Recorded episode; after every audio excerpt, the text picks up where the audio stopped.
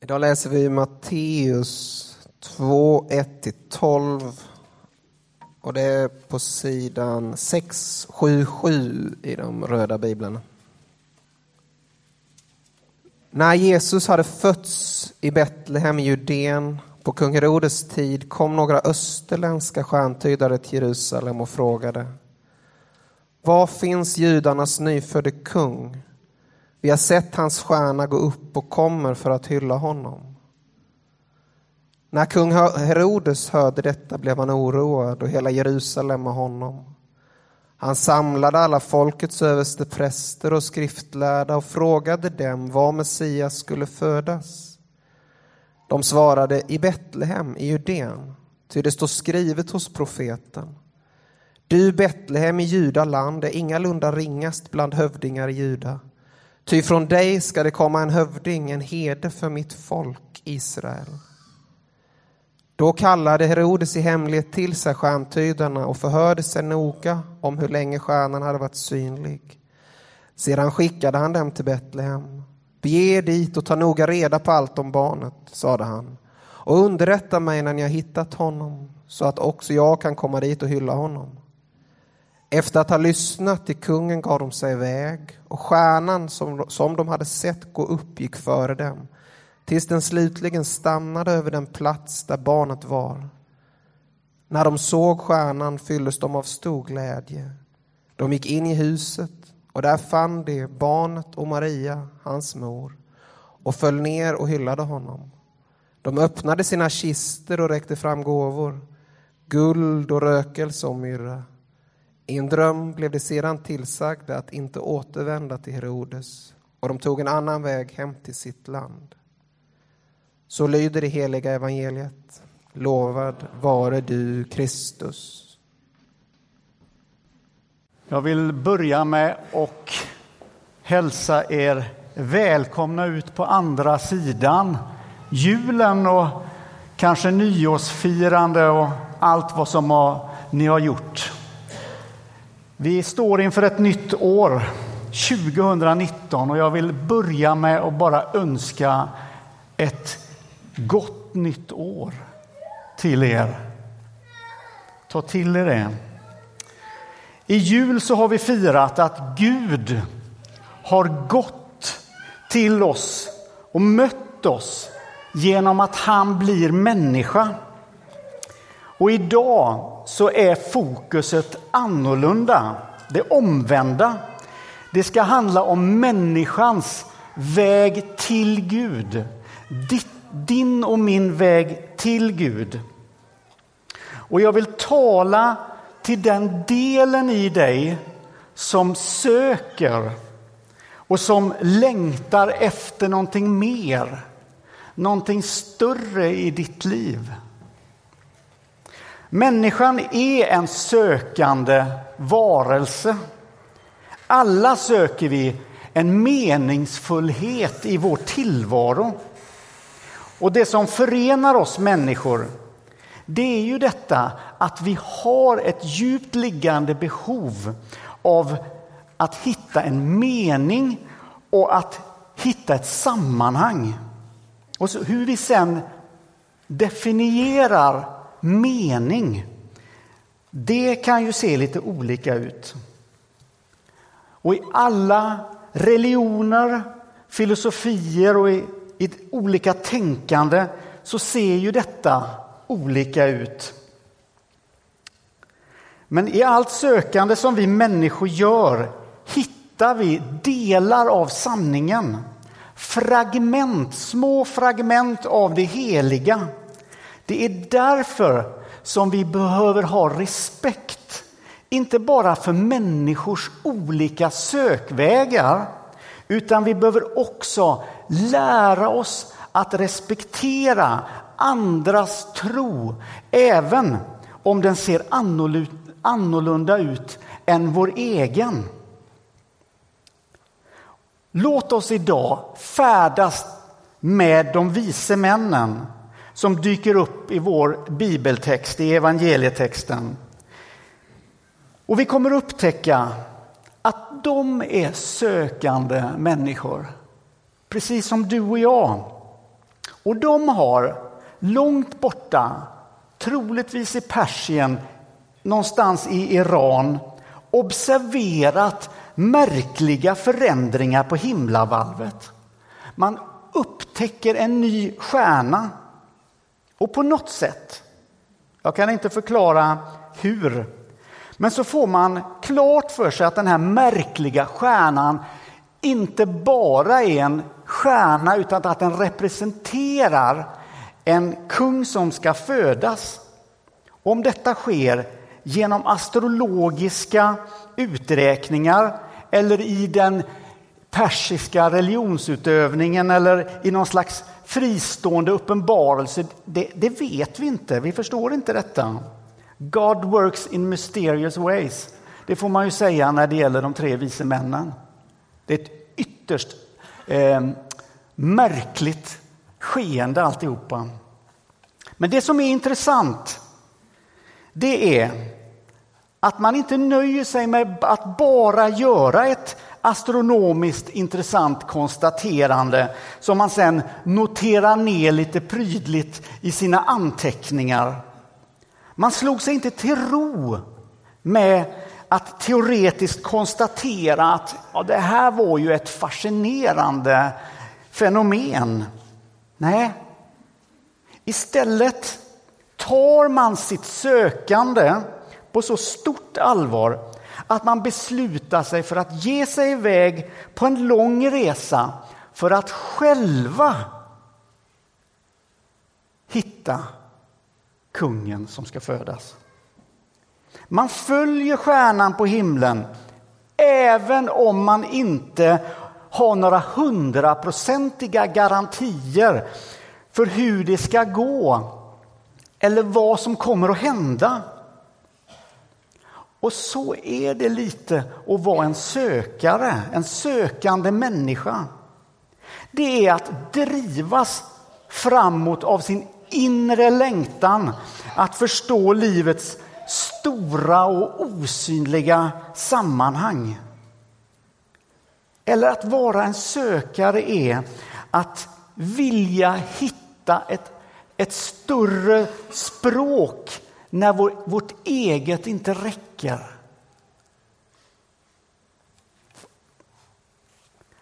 Men det är skillnad på att vara en aktiv sökare och en passiv sökare. De vise männen bröt upp och begav sig iväg för att söka efter Jesus. Man var aktiva sökare. Och när du och jag anar Gud och när det öppnar sig en sån där liten glipa i det stora mysteriet som livet är, då är det andliga rådet entydigt. Ta ett steg närmare.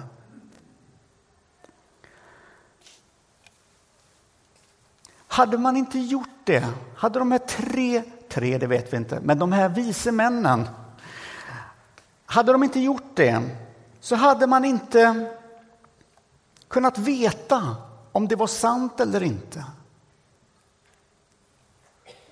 De visste djupt i sig själva att det inte skulle räcka att vara passivt sökande. Hade de inte tagit ett steg närmare, hade de inte funnit Jesusbarnet, då hade de inte kunnat hylla honom som de gjorde. Så trots att detta var människor som var förankrade i en annan kultur, i en annan religion, så hade man någonstans ett öppet sinne för en oväntad andlig dimension. Själva faktumet att man börjar röra sig från sitt hemland är ju ett bevis för det. Man låste inte fast sig i ett slutet religiöst system. Man följde stjärnan mot någonting nytt, mot någonting större. Och de vise männen kan lära oss någonting om att vara öppna för det oväntade. Och stjärnan på himlen som de vise männen såg, de berättar för oss, för dig och mig, någonting utomordentligt viktigt. Stjärnan säger till oss att Kristus vill bli uppenbarad, vill bli funnen av alla folk, av alla människor, oavsett religion och kulturella bakgrunder. Det var inte så att Guds härlighet i Kristus, som är dagens tema, bara var en intern angelägenhet för en liten grupp eh, av det judiska folket. Det var inte så. Han är tillgänglig för alla. För vi talar om hela världens Kristus. Och det faktum att de vise männen kom från öster är absolut ingen tillfällighet. Utan det är ett medvetet profetiskt statement att hela världen en dag ska böja knä inför Kristus. Därför att Guds härlighet har tagit sin boning och finns i koncentrerad form i honom. Det som komplicerar våra liv det är ju att det finns så många olika stjärnor på himlen som vi kan välja att följa. Så många impulser och vägar som vi kan gå och som för oss i alla möjliga riktningar i våra liv. Ibland tror jag faktiskt att det skulle vara, vi skulle må bra av att vara lite mindre spretiga och börja renodla vilka vägar är det som vi egentligen vill gå? Vilka stjärnor vill du följa 2019? Och vilka ska du låta vara? Vilka impulser vill du gå på? Och vilka impulser ska du släppa?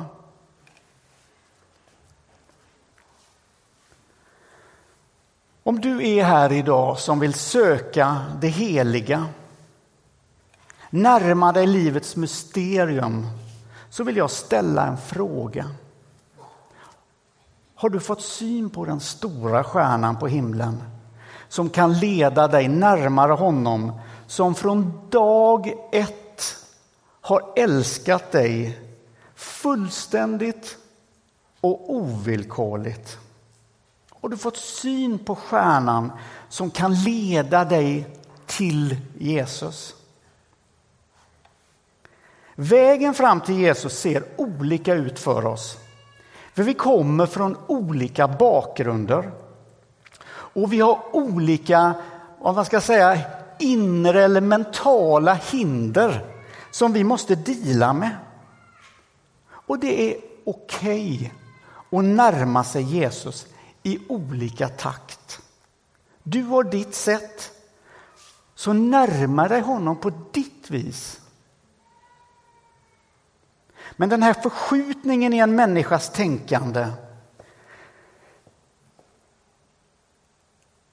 när man börjar gå ifrån att tänka, först att tänka det finns ingen Gud, det finns inte tillräckligt med evidens för det till att komma på sig själv med att jag har ju faktiskt omvärderat min ståndpunkt på den här, i den här frågan. För Gud, han har visat sig i den stilla dragningen i bröstet. Han har kommit som en mild susning inne i min egen längtan som jag inte riktigt kan beskriva vad det är som händer. Den här förskjutningen i en människas tänkande och känsloliv sker ofta som ett långsamt växande mot någonting större. Som en liten kruka som står i ett fönster med en liten planta i som växer i sin egen takt. Lugnt och fint. Och växandet närmare Gud sker förstås på olika sätt. Både genom rationella argument om rimligheten att världen inte bara är slumpartad men också som ett rent och skärt under som får en att fråga vad hände här? Var kom min tro ifrån? Jag känner människor också som har haft en, en stor kamp i det här med att närma sig tron och för att kunna tro. Medan andra har liksom tyst bara glidit över tröskeln på ett ganska odramatiskt sätt. Men ofta när man börjar omfatta tanken på att det finns en Gud så är det inte så sällan som det har med ett specifikt skeende som man är inne, som, som man är inne i som människa. Som gör att man är mottaglig, att man är öppen. Så var det för Sven Lidman. Sven Lidman var under 1900-talets början en etablerad kulturpersonlighet i det intellektuella Sverige med allt vad det innebar.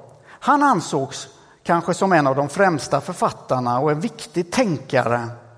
Men så händer någonting med honom. Han hamnar i en personlig kris. Ett speciellt skeende i sitt liv. Efter en uppslitande skilsmässa ganska brötig, om man får uttrycka sig på göteborgska så börjar han närma sig frågan om Gud. Han börjar närma sig religionen. Och 1917 så har han sin alldeles specifika händelse som skulle komma att omdefiniera hela hans liv och hela hans tänkande. Han blir omvänd hemma, ensam i sitt hem. Och här kan man verkligen tala om ett paradigmskifte i hans inre. Och så här skriver han utifrån den här för honom väldigt omtumlande upplevelsen att komma till tro. Han, han skriver i en psalm 234 i psalmboken.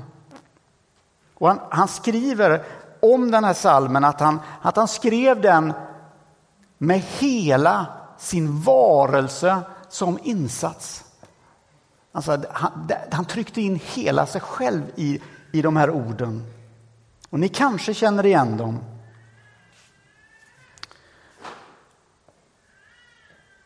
Osalighet och gåtfullhet och Kristi törnekrona som mer än världens visdom vet och varje synd kan sona. Så några versar ner. Jag svär dig trohet, ödmjukhet och lydnad intill döden. Från denna stund till evig, för evighet. Du vårdar mina öden. Och man kan riktigt höra i den här salmen hur, hur han liksom väger den här världens vishet, allt det som han har av tankegods med det, den visheten som Jesus Kristus har. Sven Lidman följde stjärnan på himlen och vandrade under, under den stjärnan och fann Jesus. Han hade svårt att begripa hur det hade gått till osalighet och gåtfullhet. Det är en sammanfattning. När de vise männen till slut kom fram till Jesus så överlämnade man sina gåvor. Och vi läser att det är guld och rökelse och myrra. Alltså värdefulla saker i den här världen.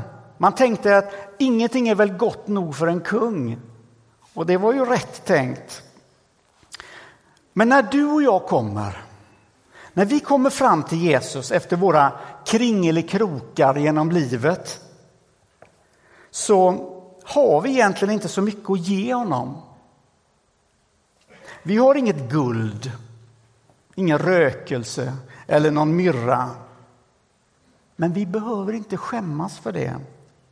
Bara det att vi kommer är gott nog för honom som gåva. Och vi ger honom vår inre tomhet. Skärvorna av värdefulla saker som har gått sönder i våra liv längs vägen. Vi ger honom vår osminkade verklighet. Vår känsla av att inte räcka till. Och det kanske inte låter så mycket i en prestationsbaserad värld här att komma med. Men för Jesus, lyssna på detta, för Jesus är våra tomma händer som det dyrbara guldet. Som rökelsen, som myrran. Så det är inget hinder för honom att vi är tomhänta och små. Det blir istället någonting positivt. För då kan han fylla våra liv med sitt goda istället. Så när det gäller de vise männen så vet vi inte så mycket om vad det här mötet med Jesusbarnet, hur det påverkade deras liv. Vi vet bara att de återvände hem. Men att finna Jesus, om det är första, andra, tredje eller tjugonde gången så förändrar det ofta oss i grunden. Att hitta fram är att på djupet äntligen landa i ett sammanhang som håller. Och Jesus säger själv i Johannes 8 och 12, det som Amanda läste här tidigare. Jag är världens ljus. Den som följer mig ska inte vandra i mörkret utan ha livets ljus. Jag vill bara önska dig Guds välsignelse in i ditt 2019. Må Guds stjärna leda dig i ditt sökande så att du kommer rätt. Amen.